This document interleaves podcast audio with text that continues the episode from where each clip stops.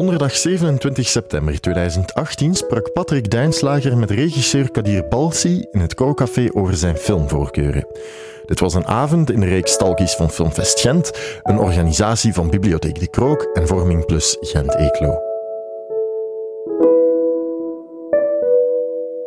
Uh, welkom iedereen, goedenavond. Uh, we zijn uh, weer een avond dat we een talkies hebben, maandelijks, onze maandelijkse afspraak in Bibliotheek De Krook. En we hebben, ja, vandaag hebben we een, zoals altijd, een zeer interessante gast, want ik zeg dat altijd. Maar het doet mij toch ook een bijzonder genoegen om vanavond Kadir Belchi te kunnen uh, verwelkomen in deze talkshow. Dank u wel, Patrick. Um, voilà, u mag applaudisseren ja, voor Kadir. Um, we gaan het vanavond een beetje hebben over jouw filmwereld. In, in die zin een beetje, zo, een beetje zoeken naar de films die, jou, die je leven hebben uh, ingrijpend hebben getekend of je carrière. Maar ik wil eerst toch je even een paar vragen stellen, of één, twee vragen over jouw eigen films. Dus je hebt nu tot nu toe ja. twee lange speelfilms uh, geregisseerd. Ja. Um, Turquoise en Trouw met mij. Dat zijn twee films die duidelijk uh, een inspiratie zoeken in jouw eigen leefwereld of in de dingen die je zelf meegemaakt hebt of, of meegekregen hebt van je ouders. Ja. Um, ik zie nu ook dat je misschien buitenlandse series gaat doen. Betekent dat dat je nu ook, ik zeg niet afstand neemt, maar dat je ook films gaat maken die niet meteen um, in diezelfde, ik zal niet zeggen autobiografische lijn liggen, maar ja. toch die cultureel in uw leefwereld. Uh, Absoluut, ja. Goedenavond. bedankt om hier te zijn trouwens, ik vind het fijn. Uh, en bedankt om mij te hebben, Patrick. Uh, ja, absoluut. Ik denk dat het mooiste wat je kunt doen als filmmaker, dan als beginnende filmmaker, is een verhaal vertellen die zeer dicht bij jou staat. En voor mij was dat turquoise. Uh, Trouw met mij is een ander verhaal, omdat ik aanvankelijk die film niet wou maken. Die film is gevraagd geweest om te maken. Ik heb daar lang over moeten nadenken van wil ik dat nu doen of niet? Wil ik mezelf herhalen? En uiteindelijk was dat een mooie kans om ook andere producenten te leren kennen, omdat die relaties zo belangrijk zijn met producenten.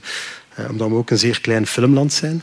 Uh, en ik ben dan op die vraag ingegaan en we hebben daar ook lang aan gewerkt. En het is ook geworden wat ik wou dat het werd. Uh, dus, en toevallig, of niet toevallig, zijn het echt films die heel dicht in mijn eigen leefwereld stonden. Kunnen we misschien eerst even, want ik ja? ben een fragment zien, enfin, een trailer zien van Turquoise. De mensen die de film niet gezien hebben, denk ik dat ze toch wel een, een beeld al krijgen over, um, van de film.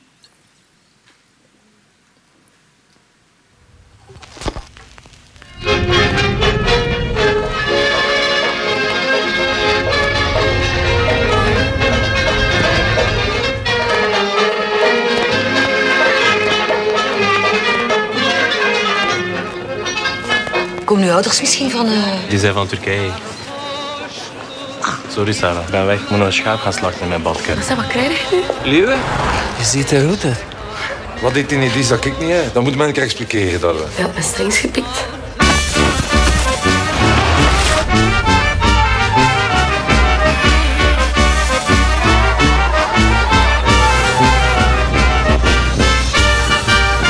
Iemand zou graag bij ons in de fanfare komen spelen. Het is uh, Timo. Uw timing treft echt op niks. In 20 jaar tijd is er hier een migrantenbuurt geworden. En het probleem is dat ze zijn niet geïnteresseerd zijn in hetgeen dat wij spelen. Timur, is hij eigenlijk besneden? Dag, proper jongen. Zeg Gilmar. Wie is dat? Je durft mij gewoon niet voorstellen. Ik wil een teken met zijn rust. Maar hoe hoeft het dan ook? Maar niet om met een fucking familie aan tafel te zitten. Evdenische raden moet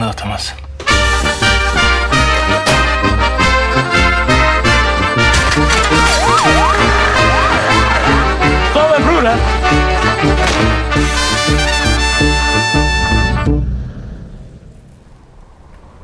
Okay. Ja. Ik hoop dat je de draad niet kwijt bent, ik heb je onderbroken. Nee, nee, totaal niet. Ik denk dat het uh, zeer logisch was dat ik die films ging maken, omdat het heel dicht bij mij stond. Maar mijn doel was altijd een filmmaker te zijn en niet per se een filmmaker die vanuit zijn roots zijn verhaal blijft vertellen. Maar ik denk wel dat het altijd terugkomt, het thema identiteit, roots. Uh, en ik denk wel dat ik altijd een touch zal meegeven dat, wat dat mij betekent in mijn afkomst dan. Dat denk ik wel. Ja. Maar dan heb je toch nog een tv-serie, eh, vijf afleveringen ja, dan voor uh, Amigos. Klopt, was, was, dat een pure opdracht of was dat ook iets dat je speciaal aansprak? Wat ik mezelf beloofd heb, Patrick, is dat ik dingen wil maken waar ik in geloof. En waar ik niet zeg, ik ga het doen omwille van het geld. Want uh, ik vind, als je ook bekijkt wat je verdient met het maken van films of tv-reeksen, je moet heel veel doen om heel veel te verdienen. En je zit er heel lang aan bezig. Dus, dus ik, wou ook, ik, wou, ik wou niet zeggen, ik ga dat per se doen om geld te verdienen voor mij ging het eerder van, dat is iets wat aan mij raakt, dat inspireert mij. En Amigos ging over vijf gedetineerden die een tweede kans proberen te vangen in het leven, dat niet goed lukt. Uh, en dat interesseerde mij ook. Mensen die een tweede kans zoeken of krijgen en daar iets proberen mee te doen. En daarom heb ik mij ook in gesmeten, van daar wil ik gaan. En dat was fijn ook. Maar, en dat ging niet over mijn afkomst. Er zat wel één personage in, die, van een Vlaming met Turkse roots. Wat dat fijn was, omdat je daar net meer mee kunt doen, omdat je dat goed kent. Maar dat was niet per se voor mij dat dat zo moest zijn. En vooral we overschakelen naar dus je, je, je films die je gekozen hebt, uh, mag je nu al iets zeggen over dat project dat je hebt voor een ja, serie, buitenlandse serie? Ja. Zoals, veel Vlaamse regisseurs opmerkelijk maken, zijn heel succesvol in het buitenland. Uh, Jacob Verbruggen is een van de grote voorbeelden. Heel indrukwekkend vind ik voor zo'n toch een kleine groep regisseurs Absoluut. dat we hier hebben, een klein taalgebied, dat wij zo gevraagd zijn. Er is ook vraag naar, inderdaad. Mm -hmm. ja, uh, ja, nee, het mag zeker geweten worden, maar uh, we zijn wel in de fase... Waar ik ben al een jaar aan het werk aan dat project. Dus op en af met de mensen. Uh, het is een Fins project, een Fins boek in feite, die vertaald wordt naar een, een achtdelige reeks van uh, 8 keer 45 minuten. En we zijn met twee regisseurs. De conceptuele regisseur is de regisseur die opstart die doet uh, vijf afleveringen en ik doe drie afleveringen. Dus dat wil zeggen dat ik haar lijn wel ga moeten volgen. Zoveel ga ik niet kunnen voegen aan het project, maar nu zijn we op een fase waar ze heel veel toelaat. Uh, waar ze mij vragen, want we willen toch dat je meedenkt in het scenario en zo. Omdat ze nu ook heel veel vertrouwen krijgen. En, en het feit dat ik zeer open ben, ik ben ik hou niet van hidden agendas en ik heb soms het gevoel dat onze sector zeer sterk op hidden agendas draait. En, Allee. Wat je nu zegt. Maar het zal overal een beetje zijn, maar ik ben daar zeer direct in. En ik, ik smijt alles op tafel wat ik denk. En dan moeten mensen maar uithalen wat ze denken, wat ze iets mee willen doen. En dat werkt. Bij de Finnen werkte dat. Want ik weet niet of je Finnen ontmoet hebt, maar die zien er altijd boos uit. Die kijken altijd zo heel... Maar in feite zijn die zeer content, blijkbaar. Ja. dat zijn zeer gelukkige mensen. Dus, uh, en nu is dat zover dat we hopelijk januari beginnen draaien. Ja, wij kennen die vooral van de films van Kaurismäki. Dat is ons beeld van de Fin. Maar, maar dat klopt. De, dat de een van de producenten is, uh, is een van de regieassistenten van Kaurismäki. Dus is, en van Jim Jarmusch, dus dezelfde persoon. Dus ik, dat was een van de redenen waarom ik hem wou ontmoeten. Ook, omdat, ik hou wel van Jim Jarmusch en charismatisch hun films. Dus ik dacht, ik ga mee in dat verhaal. En, dat is ook, die, een van die producenten is echt rock and roll. En die praat vooral over hoe dat hij zijn filmjaren beleefd heeft. En dat, is, dat zijn hele mooie anekdotes. En dat vertelt over personages, wat die, wat die uitgestoken hebben. Dus ik vind dat interessant. Want nu is alles het er net over had, alles is afgeleid nu, alles is duidelijker. Er zijn heel veel regels.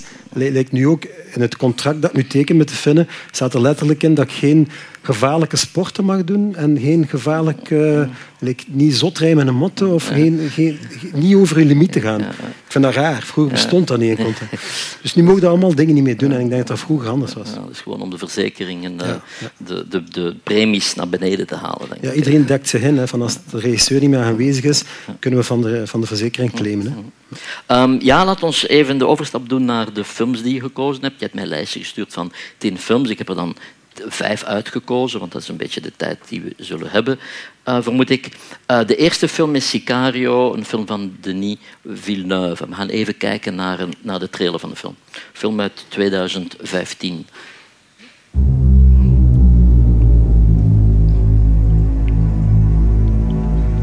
The State Department is pulling an agent that specializes in responding to escalated cartel activity. This is not my department.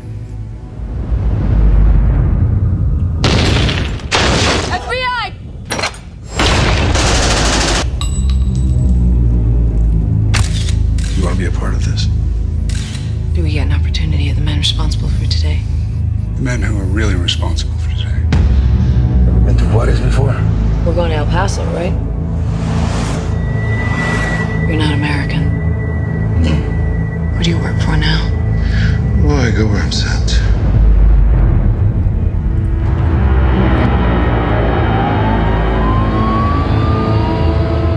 Every day across that border, people are killed with his blessing. To find them would be like discovering a vaccine. Nothing will make sense to your American ears. But in the end, you will understand. Spotter vehicle, left lane. Spotter vehicle, 9 o'clock. Get his weapon out.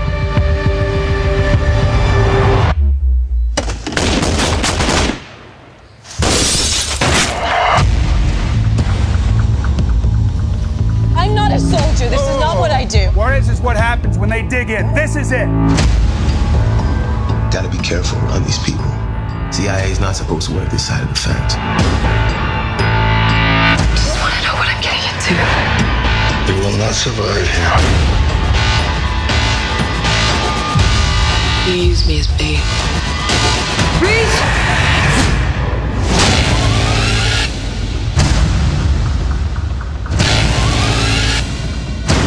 things you shouldn't have seen.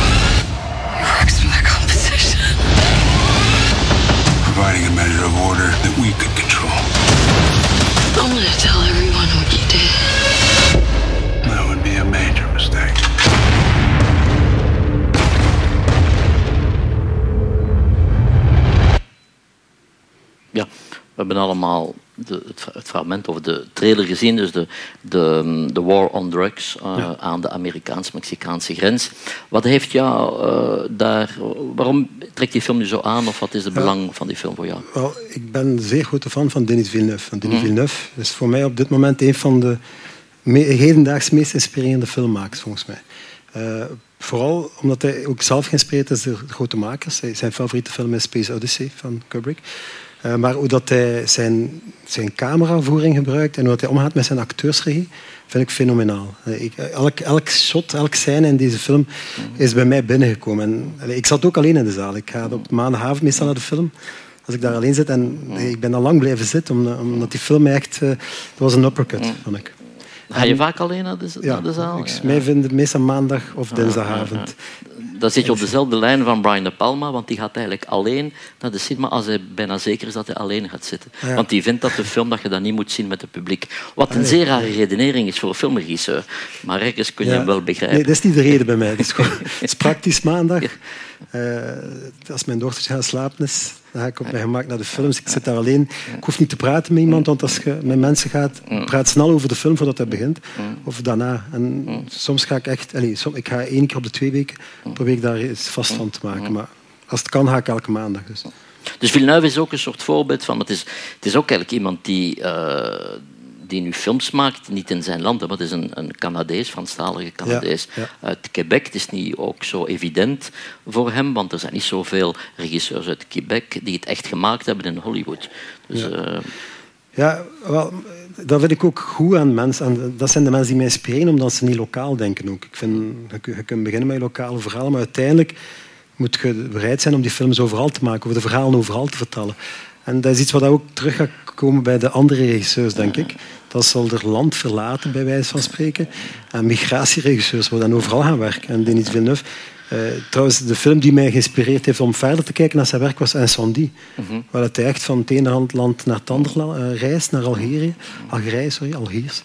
En dat, dat was ook een fenomenale film. Maar de, waarom dat dit mij zo geïnspireerd heeft, heeft, is omdat dit de film is dat ik graag zou gemaakt hebben. Ah, ja, ja, ook omdat, niet omdat...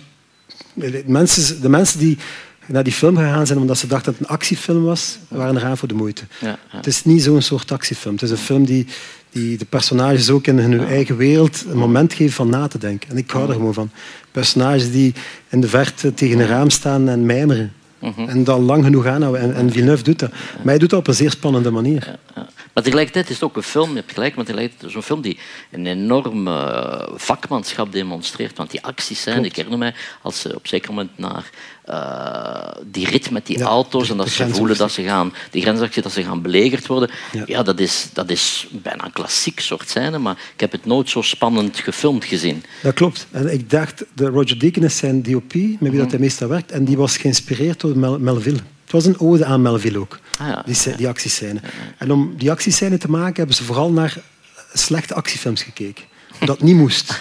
Dat is wat, dat, wat dat ze dus lang over gepraat ja. hebben, van hoe gaan we dat aanpakken. En En ik denk, uh, allez, ik, in, om een goed voorbeeld te geven van een Vlaamse regisseur die dat ook zeer goed gedaan heeft, is uh, Roskam, Melle Fidel, ja. die ook fan is van Melville. Ja, dat zie je ook aan die eerste actiescène waar dat ze die overval doen.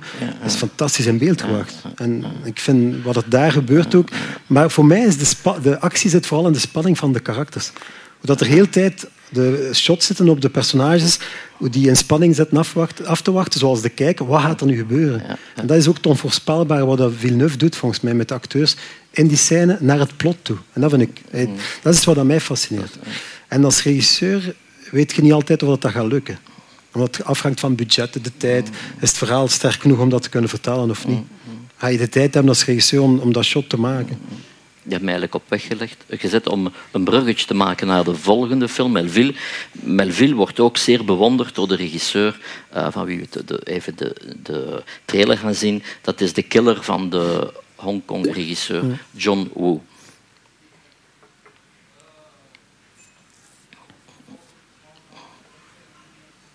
One of the ten best films of the year. A high octane mixture of outlandishly stylized camp and outrageously sensational shootouts.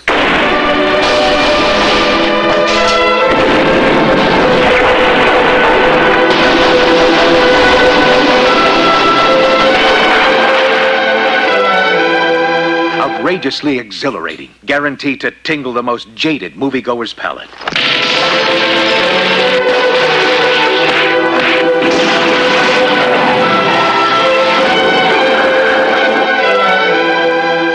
Concocted with nitroglycerin, the combined energy of the Road Warrior, Robocop, and the Terminator.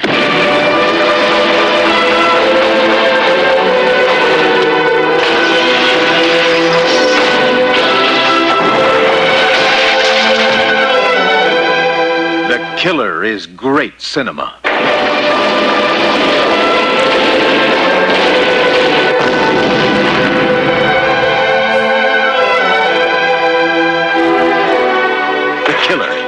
A thriller comedy that will leave you breathless.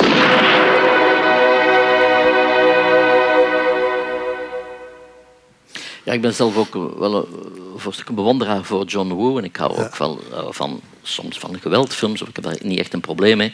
Maar nu speel ik even advocaat van de duivel. Als mensen die de film zien hier, gaan die misschien zeggen... Ja, maar dat is toch alleen maar een geweldfilm. Wat, ja. wat is daar, wat is daar uh, nu zo Eh, bijzonder aan? Wel, in feite dat is een van, van de dingen die mij bezighouden heeft als tiener, waren ook geweldfilms. Zoals Scarface of, of eh, films die, die heel actie-driven waren. En, eh, dat is wat dat is. Ik kom uit de gasthavensgezin waar dan wij heel veel tv keken en alles wat dat er in schoot werd, keken we naar. Dat was de mijn realiteit. En waar, daarom dat ik ook heel snel aansluiting vond bij John Woo. Die een film op een... Uh, en dan kwam dan... Bij ons thuis waar het vooral... Uh, Bollywoodfilms dan bekeken of Turkse melodrama's. En als er één iets is dat John Woo ook goed is, is een melodrama. Dus ik herkende dat. Voor mij was dat een stuk van mijn identiteit dat voor mij zichtbaar werd. Oké, ik kan me hier thuis in voelen. En dan begin je dat op te zoeken. En zo. Want ik herinner mij bij het ingangsexamen... Nee, toen dat ik toegelaten was op de academie... Ik weet nog dat Dirk Kimpens zei van... Ja, zeg keer, wie is je favoriete regisseur? En ik zei John Woo. En hij zei, wie? Wie is die naast? En ik verschoot daarvan. Ik dacht, maar John Woo, dat is een klassieker in, mm-hmm. in Hongkong. De man die, die naar Hollywood gegaan is om, omwille van het feit hoe dat hij beelden ingestoken De man die Quentin Tarantino geïnspireerd heeft in zijn actiescènes, in zijn choreografie. En mij heeft dat altijd ergens op een of andere manier aangetrokken, omdat hij bezig is met een soort choreografie in zijn film.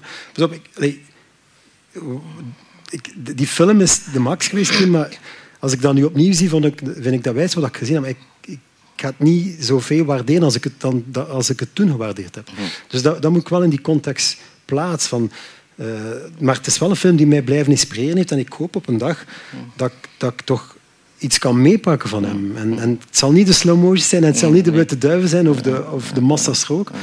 Maar op een of andere manier is dat bij mij binnengekomen. En, en ik wil dat ook niet negeren. Dus het wil wel iets zeggen voor mij.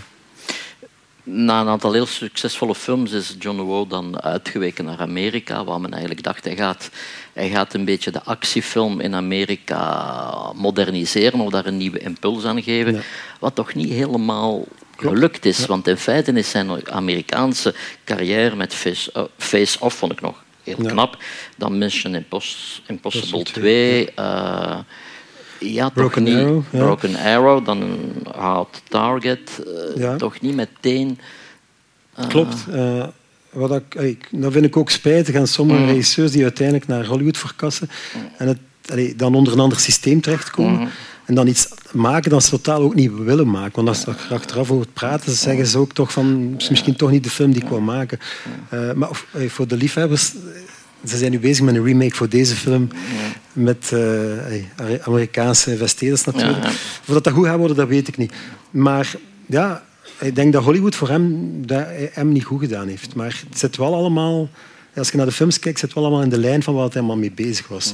Maar misschien, soms denk ik, ligt het aan het feit dat hij, dat hij echt niet van Amerika is, dat hij te weinig eh, voeling heeft met die Amerikaanse acteurs. Ik vraag me dat wel af, maar dat moet echt, daarvoor moet een een face-to-face gesprek om, om dat echt eruit te halen, denk ik. Maar ik ben ook nooit van geweest buiten de eerste 17 minuten van Face Off. Ja, vind ik ja, fantastisch. ja.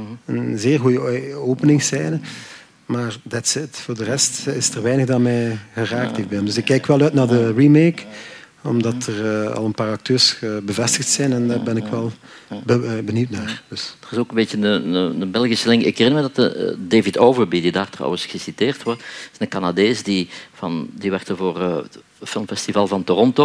En hij is eigenlijk de man die een beetje John Woo bekendgemaakt heeft in het Westen, die hem gespot heeft toen, hij, toen hij prospectie deed in, in, in Hongkong, zoals vroeger het festival van Gent ook, Filmfest Gent ook, soms pro- prospectie deed in eh, Korea en in China.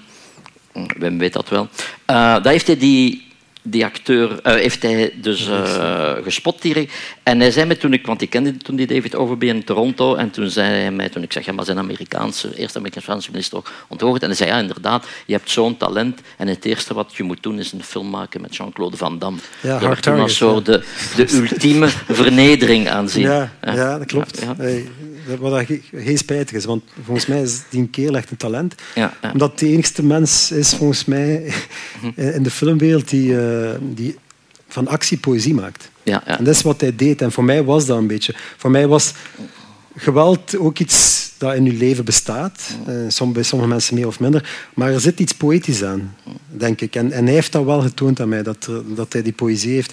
En ook ja, die overacting van die acteurs vind ik soms op een of andere manier iets aantrekkelijks Ja, het is allemaal zeer over de top en het, en het schurkt ook zeer, zeer dicht tegen, tegen de kitsch tegenaan. Ja, Zeg, je hebt ja. die duiven geciteerd, eh, ge- geciteerd. Het feit dat in, al, in, al van zijn, in alle films een scène moet met duiven hebben, is een Ja, beetje... ja.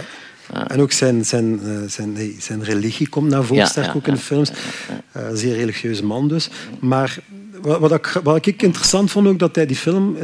De Killer heeft hij als ode gemaakt aan Scorsese en Melville. Ja. En opnieuw, die namen komen terug en dan begrijp je dat ook. Oké, dat is wat hij doet met zijn eigen insteek, met zijn niet-westerse kanon denken. En dat vind ik interessant. Ja, ja. Want uiteindelijk... eh, want ik heb, eh, op de filmacademie heb ik het heel lastig gehad met mijn afkomst. Eh, omdat ik de eerste Vlaams, Vlaming was met Turkse roet die daar aanwezig was. Uh, Toekoer met andere roots, denk ik. En dat was moeilijk. Dat was moeilijk voor mij, voor de anderen. Dat was echt zoeken naar elkaar en geduwd worden in iets wat je niet wou. En uiteindelijk toch doen wat je wou, dat niet slaagde. Dus voor mij was dat mijn identiteitscrisis en heb ik het grootste beleefd op de academie, op de Dus je waart daar niet echt goede herinneringen aan, aan die Nee, studies? of, nee, ben- ben niet daar- achteraf? Nee. Achteraf wel. Achteraf heb ik dat een context gegeven, heb ik uh, mijzelf daarin verheven en ook de anderen dan, zonder dat te doen, want zat, soms zit dat in jouw hoofd, maar toch nog moet het vergiffenis schenken. Uh, heb ik daar wel rust in gevonden. En, en, en, op een of andere manier heeft mij wel gevormd als filmmaker ook. Dus dat moet ik er wel bij nemen. En ben ik wel dankbaar voor uiteindelijk. Dus, dus ik heb het negatieve om Ja, naar het positieve. En als je dat op dat moment dan zegt dat toch vrij moeilijk was, heb je, af, heb je soms getwijfeld aan je droom? Want je droom als Ja. je naar de filmacademie ging was om regisseur te Ik worden. heb daar zeker aan getwijfeld. Ja, want eh, ik heb mijn twijfel weggenomen ook. Eerst en vooral, ik ben zeer sterk gesteund geweest in het derde jaar door Stefan Hertmans, die daar les gaf. Die vond dat ik, hij had mijn werk gezien en hij vond dat ik, dat ik mijn ambitie als filmmaker niet mocht opgeven, dat dat een verloren talent zou zijn. En ten tweede, om daar iets mee te doen, ben ik ook vertrokken naar Engeland. Ben ik, eh, heb ik een Erasmus-deal gekregen en ben ik naar Bournemouth gegaan, naar de filmschool. En daar ben ik afgestudeerd als de beste regisseur van dat jaar. Ja. Wat dat een fijn gevoel was. Van, ah, de andere kant bestaat ook. Voor mij was dat niet belangrijk. Voor mij was het belangrijk dat ik de films kon maken en waar ik mij goed bij voelde. Dus ik ben met dat gevoel teruggekeerd en gezegd, oké, nu, nu wil ik de filmmaker zijn die ik moet worden. Dan heeft dat nog wel eventjes geduurd, omdat ik na mijn eindwerk, nadat ik afgestudeerd ben, uh, opnieuw beginnen twijfelen ben van is dat wat ik wil doen? Willen mensen dit zien? Wil ik dit maken? En dan heb, heb ik zes jaar vooral geld verdiend. Hè. Overal in eh, de horeca, in fabrieken, bij, als op kantoor gewerkt om vooral economisch onafhankelijk te worden en dan mij af te zonderen om te kunnen schrijven. En zo is Turquoise ontstaan ook. Ik begin denken van hoe, wat wil ik vertellen en waar moet ik zoeken. En dan ben ik heel snel in mijn eigen verhaal gekomen. En hoe oud was je toen? Dat was niet heel dat was, jong toen? Dat was 2006. Dus ik, ik was uh, 28 toen dat ik afstudeerde, dus 34. Ja, ja. Dus nee, dat was, ik denk dat dat goed was dat ik niet te jong was. Want anders was het nog slechter, denk ik. Ja.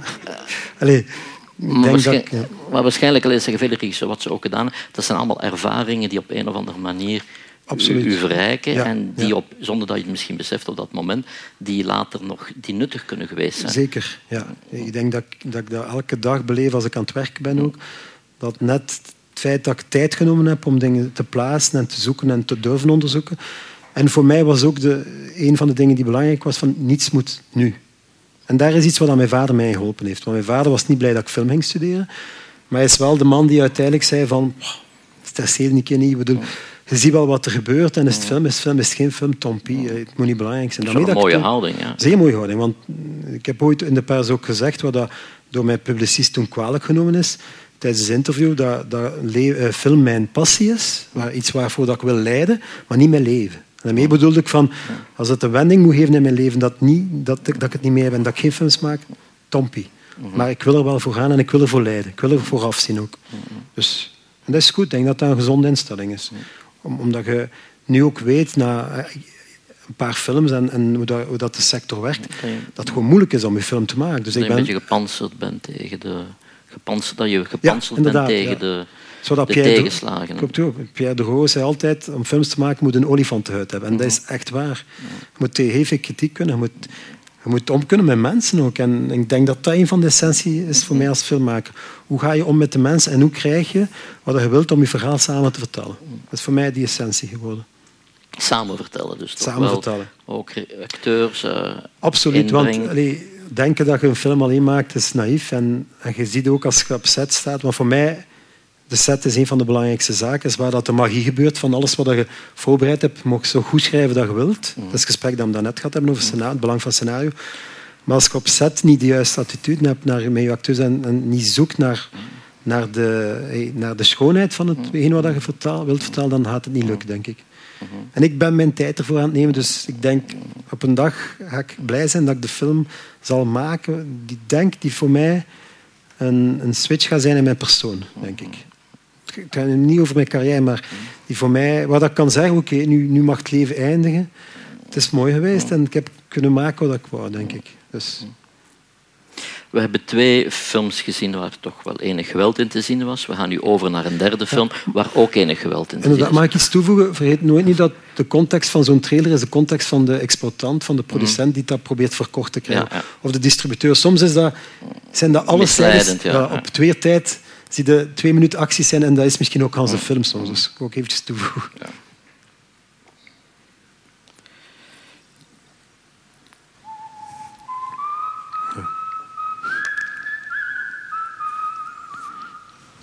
Tsuide ni manhole の吉殺しも一緒に報告したらどうなんです私の手はもう弾きを握ってますぜ壁の方に寄ってもらいましょうか流れ果てない旅に出ていつか忘れた東京の旅へ出んのは私のわがままです。黙って出しちゃってください今日から東京無宿の鉄ってしゃれ込みますよ。男命は赤く散る。ああ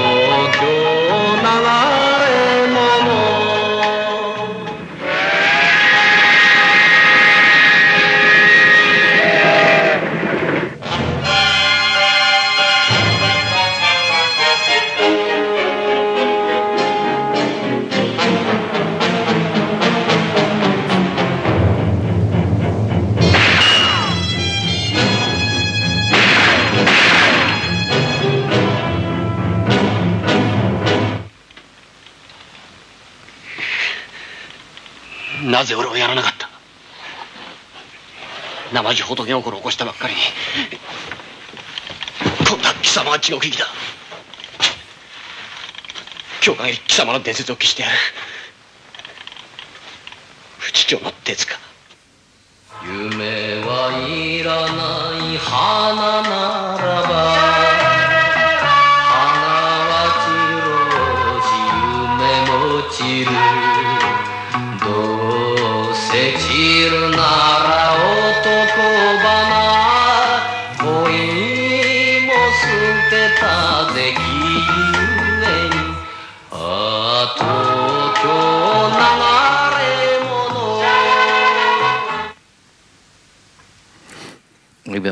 blij dat ik toch het publiek zo'n beetje zie lachen. Eh, ik ben ook blij dat je die film gekozen hebt. Voor verschillende redenen, maar een van de redenen is ook uh, Japanse cinema. Uh, mensen die niet zeer vertrouwd zijn met de Japanse cinema, dat is ook logisch, want je krijgt niet zoveel Japanse films te zien. Die zien Japanse cinema altijd als Kurosawa of Ozu of Misoguchi, zo triumviraat, heel serieuze films, Oshima ook. Maar er was ook een heel sterke genre cinema. En daar was die Seijun Suzuki eigenlijk een een groot voorbeeld van. Dus hoe heb je die ontdekt of uh, heb hoe heb je dat ervaren? Uh, ik heb die ontdekt toen dat ik uh, twee jaar geleden, twee jaar afgestudeerd was in 1998, dus 2000. En ik was dat direct verkocht door, omdat ik vond dat het zeer onconventionele, onconventionele cinema was. In de periode, ik weet niet meer... 66. 66, kijk. Ja. ja, ik vond dat straf wat die gast gedaan had. En dan zijn we beginnen opzoeken van wie is die kerel, ik heb daar nog nooit van gehoord. En dat blijkt ook een zeer goed inspiratiebron geweest zijn voor latere filmmakers. Ja, ja. Tarantino opnieuw. Ja, inderdaad. Tarantino. Allee, ik, ik, moest heel sterk denken aan The Hateful, the Hateful Eight. Ik vind dat er daar heel veel van... Allee, het zijn er veel referenties naar, volgens mij. Maar de man, hoe dat hij omgaat met zijn beeldtaal, is zeer avant-garde. Het was, het was Japans avant-garde, hoe dat hij omschreven is. En als je ooit de kans krijgt, moet je die film zien. Want ik heb, ben ooit uitgenodigd geweest in Cinematheek. En ze hebben gevraagd, je mag een film kiezen en je moet hem projecteren. En ik heb Tokyo Drift genomen. Ah, ik, ik, vond dat fantastisch, want ik had hem op dvd gezien. Ik heb hem op dvd liggen. En om hem te zien, dat we, na die film heb je zo'n zeer raar gevoel van, wat is dat nu? Want hij, hij, hij monteert ook zeer raar. Hij monteert alles door elkaar. Hij gebruikt uh, dingen die niet kloppen, totaal niet. Nee, de kleur kan, de achtergrond in de scène kan alles. in dezelfde scène veranderd van Inderdaad. kleur. En dat is alles wat we niet geleerd hadden in de filmacademie. Ik dacht, dat is fantastisch. En die keel, ik vond die plots heel iconisch. En, en op een of andere manier vond ik dat een zeer sexy film. Ik dacht, dat is een stuk van het leven. Soms weten we het gewoon niet. En, en toch weet hij volgens mij wat hij vertelt, die man. Allee, ook, en opnieuw die melodrama, hoe dat de personages uh, acteren. En ik hou er ook wel van, als ik met mijn personages, met acteurs bezig ben, ik hou van, die, ik hou van blikken. Ik hou van blikken durven laten houden, vasthouden. En personages laten mijmeren. En, en, en dan echt close gaan en dan ja. teruggaan naar een ander personage die ook maar staat te kijken. Ja, ja. Ik, vind, ik vind dat dat iets geeft en dat geeft ruimte, vooral in de montage ook, om uw vertelling juist te, te zetten. Dat was al zijn, zijn 39ste film die hij gemaakt heeft, altijd voor dezelfde studio, Nikatsu. Uh, daarna heeft hij nog een, maar het is pas die laatste jaren dat hij zo vernieuwd heeft, dat hij zo vernieuwde dingen deed. Maar die laatste film, Branded to Kill, was dan zo, dat was opnieuw wel in, weliswaar in zwart-wit, maar was zo van de pot gerukt en zo uh, avant-garde en inventief dat hij eigenlijk meteen ontslagen is door die studio waar hij jaren voor gewerkt heeft en Ja. heeft dan in meer dan tien jaar geen film meer kunnen maken. Klopt, want dit, dit was trouwens de film waar dat hij de grootste probleem mee had. Ja, set, omdat hij, hoe meer dan ze zeiden van we willen het anders, hoe meer dat hij het anders vertaalde. Dus dat, dan is wel de vraag van is dat nu een genie of is dat gewoon een koppenhaard? Hey, ja, Vraag u dat wel af als filmmaker die zelf zoekt naar wat is dat nu? Is dat, is dat een strijd? Heeft hij die film zo gemaakt omdat het strijd was? Maar ik denk dat niet. Ik denk ergens weet dat hij dat- heel goed wat hij gedaan heeft, denk ik. Dus, Maar toch, wat men weet, moet weten ook, die films zijn zeer snel gedraaid. Hè. Hij maakte Ja. meestal Ja. vier, vier films per jaar. Ja. Dus dat was dan een ongelooflijk ritme. Hij is trouwens nog niet zo lang, ik denk in, in 17, 2017, is overleden, was in de 90 geworden. Nu, die acteur die erin speelt, is eigenlijk zijn fetishacteur. Ik, eh, ik ken de naam niet meteen, maar dat is iemand die zo'n beetje bolle, wangen heeft. Ik weet niet of je dat gezien hebt, dat een acteur met bolle wangen is. Een kleine anekdote. Die, dat was een hele schone gast. En die was zo ijdel dat hij nog mooier wilde worden. En heeft dan een soort uh, uh, chirurgie ondergaan. We spreken nu wel begin van de jaren zestig. En dan heeft hij die twee bolletjes gekregen waar nu alle Hollywoodsterren mee rondlopen. Ah, grappig. Dus dat is als je te veel trekt en sleurt, dan gaat dat allemaal naar omhoog en krijg je die twee bolletjes. Maar dat heeft hem dan fysiek zo Ja. uitzonderlijk gemaakt, waardoor je meteen die acteur herkent. Want vaak je in Oosterse films herken je de ene acteur niet uit de- van de ander. Maar hier Vooral weet je meteen wie de held is, want dat is die met die twee bolle wangen. Ja. Dus dat is, eh, Ja. dat is ook Maar- cinema. Maar ik vind, ik vind het tof dat je de film ook eh, interessant vindt. Ja, Want- zeker. Ja, want ja het is... Het is je moet is- hem durven kijken, naar die film. Het is een film waar je moet blijven naar zien. En omdat, omdat de esthetiek zeer gestileerd is. Het is echt manieristisch bijna. Van, wat doet hij? En toch voelde die studio's en al. Ja, ja. Maar eh, wat, dat, wat dat ik zelf ook zeer inspirerend vond, en dat komt dan ook terug bij de andere makers, is dat, dat, hij, dat hij heel weinig personages in de ruimte zet. De, de, de hoofdacteur die regelmatig alleen op stap is in de verte aan het stappen is, op treinsporen wandelt, in de ruimte alleen zit te denken en te wachten voordat hij gaat binnenvallen. Dat, dat- voor mij is ook die choreografie opnieuw, dat, dat de regisseur een ensenering zit te doen. En uiteindelijk volgens mij toch ruimte geeft in de, bij het werken van wat, wat gaan we daarmee doen. Denk ik. Allee, We zijn er niet bij geweest, maar, maar ik denk dat dan. Ik voel, ik, ik, dat is wat ik naar kijk dan. Van, ah, hoe hij dat aangepakt hebben? Wat ik inspirerend vind. En dan, dat, ligt, dat is eentje die op mijn kast ligt. eh. Dus als iemand geïnteresseerd is, ik heb hem liggen. Ik wil hem uitlenen, maar... eh, Zijn dvd's terug- zijn wel verschenen in boxen, maar het zijn Franstalige uitgaven. Het zijn twee boxen met telkens Ah, drie ja. van zijn films. Ja, de vierde film, voor de verandering, dus gaan we een totale tegenstelling Ja. laten in The Mood for Love. Ja.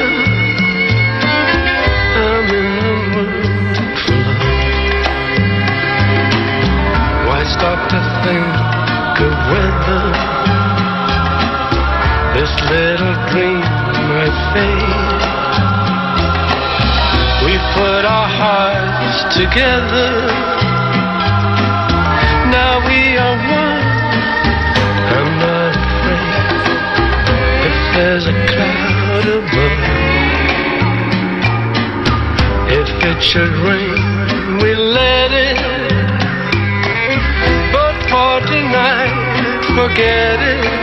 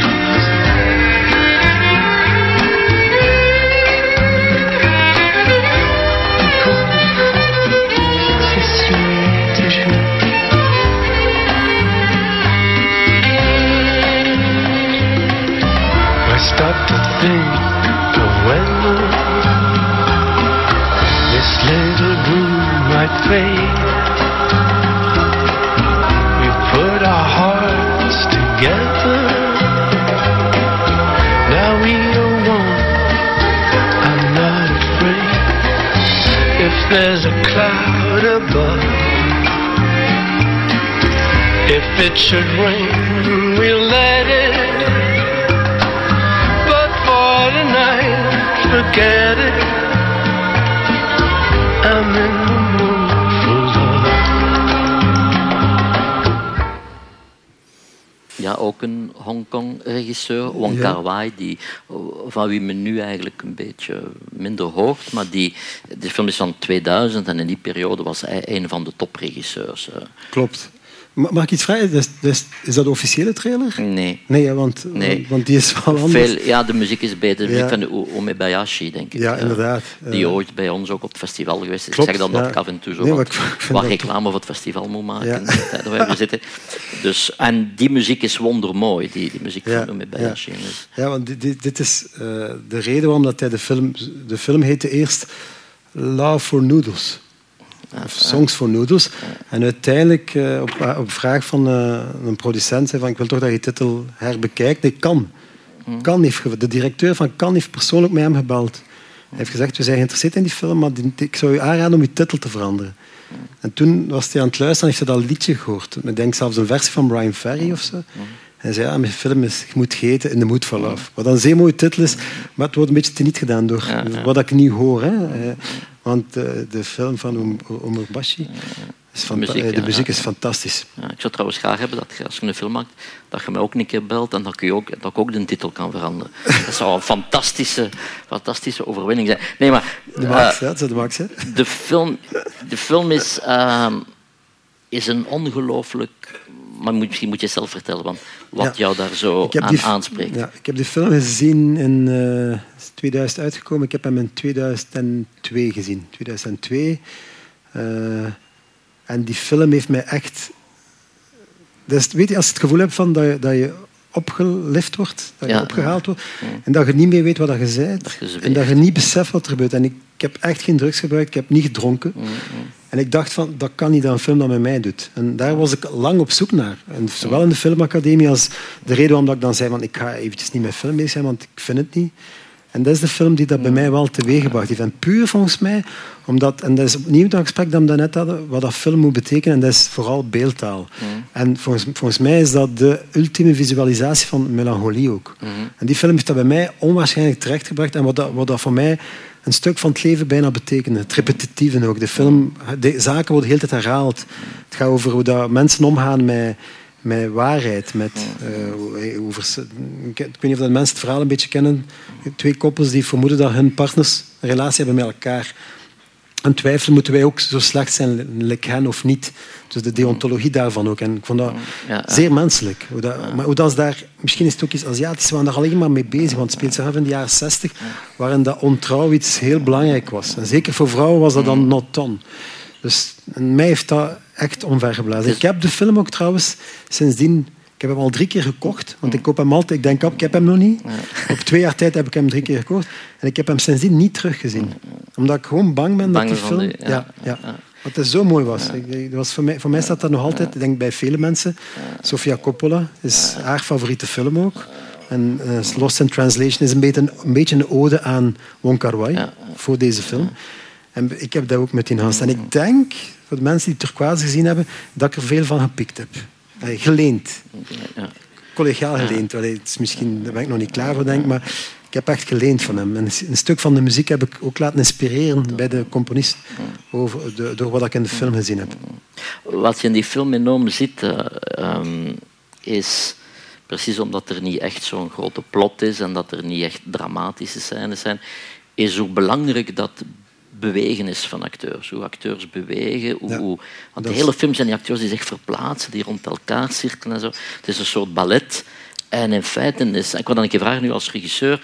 Ik denk dat dat door mensen die over film schrijven ook en zo, dat dat onderschat wordt hoe belangrijk dat de beweging van acteurs is. Je hebt grote sterren in Amerika Ja. die echt bijna, ik zal zeggen, voor een stuk ster zijn door de manier waarop ze lopen, de manier waarop ze in Klopt. beeld bewegen. Ja, ik vind dat zeer belangrijk.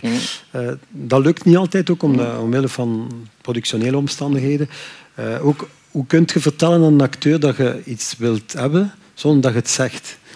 Dat is de kracht ook van de regisseurs, denk ik. En, en ik probeer dat en ik, dat lukt soms. Soms je, je- je vecht daar ook niet te hard voor, omdat je, je moet verder. De tweede, weet van, oké, ik, ik heb de taal nog niet gevonden om dat met die acteur of actrice duidelijk te maken.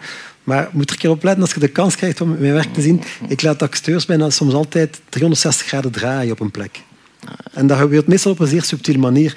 Maar je vraagt niet van, ja, ik wil dat je in die scène eventjes 360 graden draait. En dan zeg je van, weet je, we gaan eventjes langs daar terug naar buiten en dan zien we wat er gebeurt. En dan doen ze dat wel. Dus je moet het op een zeer subtiele, spontane manier binnenkrijgen.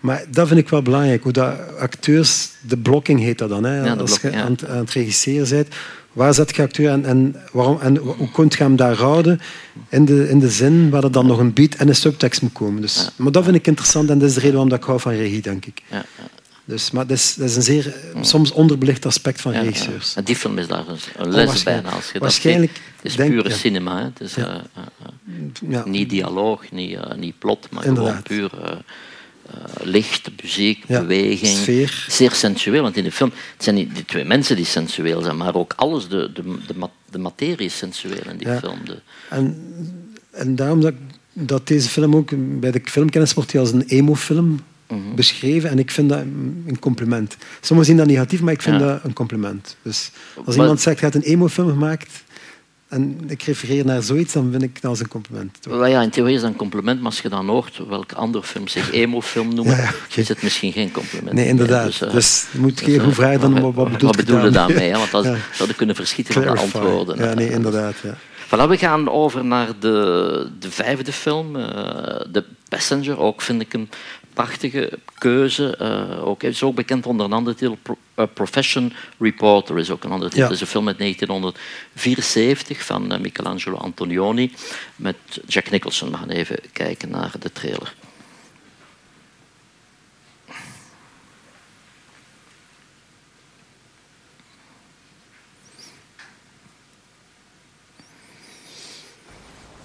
Michelangelo Antonioni, one of the great film artists of this generation, now takes you on a fascinating and spellbinding journey into identity.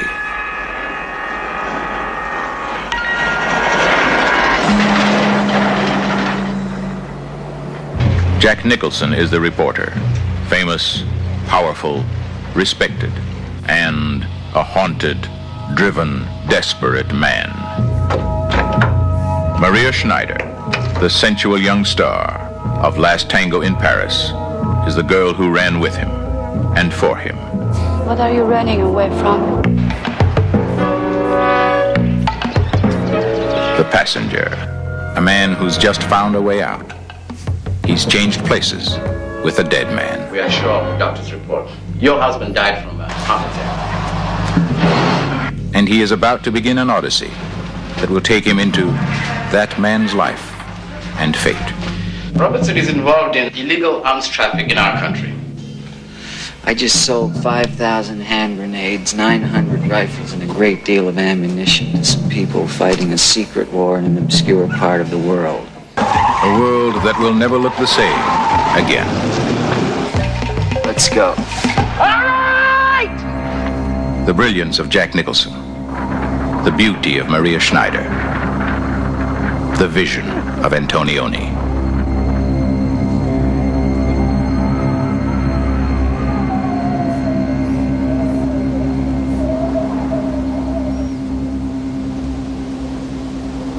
The Passenger.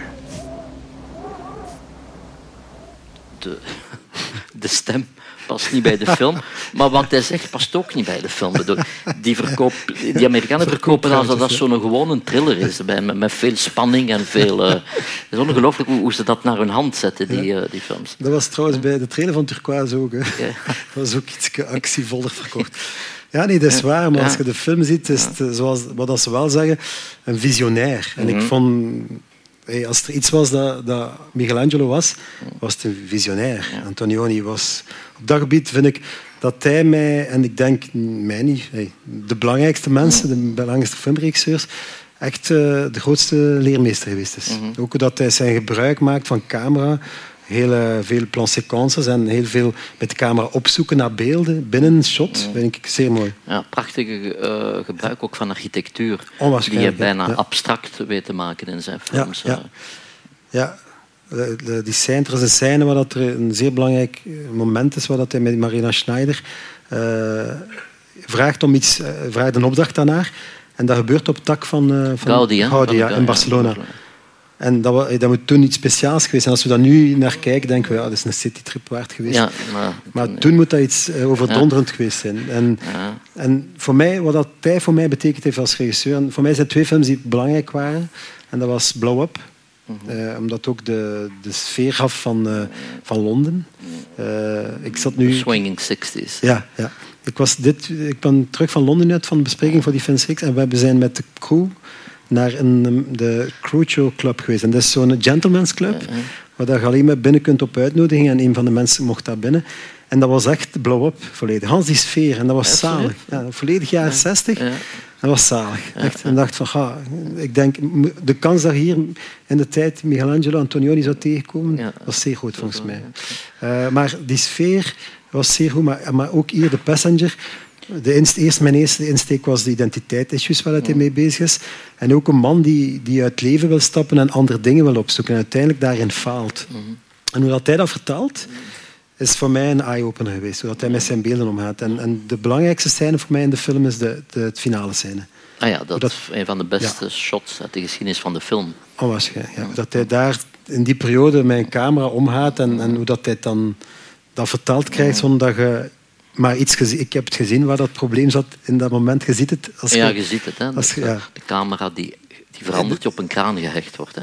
Ja, op, op een haak in feite, maar je ziet het licht veranderen. Je ziet het licht van, Maar van- toch, maar het is zo- fenomenaal. ja, En gewoon opnieuw, eh, het is iemand die zijn tijd neemt om het, om het verhaal te vertellen. Om het personage, wat, ik, wat ik mooi vind en wat weinig regisseurs durven. En ik begrijp ook waarom, want eh, je moet het verkort krijgen ook achteraf aan de producent en zo. Is een personage uit beeld laten vertrekken en het verhaal laten verder vertellen en hem twee minuten later oppikken weer. Het is- gewoon soms not done. En zowel Wong Kar Wai deed dat zelfs in, in Fallen Angels en Chunking Express. Liet, liet hij personages verdwijnen en dan later opgepikt worden of volledig van op de rug vertellen. Dus geen emoties van het gezicht tonen, maar wel aanwezig laten zijn. En voor mij zijn dat gewaarde dingen, wat ik denk dat we meer moeten durven. En het is ook heel subtiel wat Antonioni doet. Dat is, eh, zonder al te technisch te worden, de meeste films zijn gebaseerd op de chant contre chant. Shot, Ja. dus je hebt de shot van u, jij zegt iets en dan een shot van mij en, ik kan, en zo, en zo gaat dat pingpong.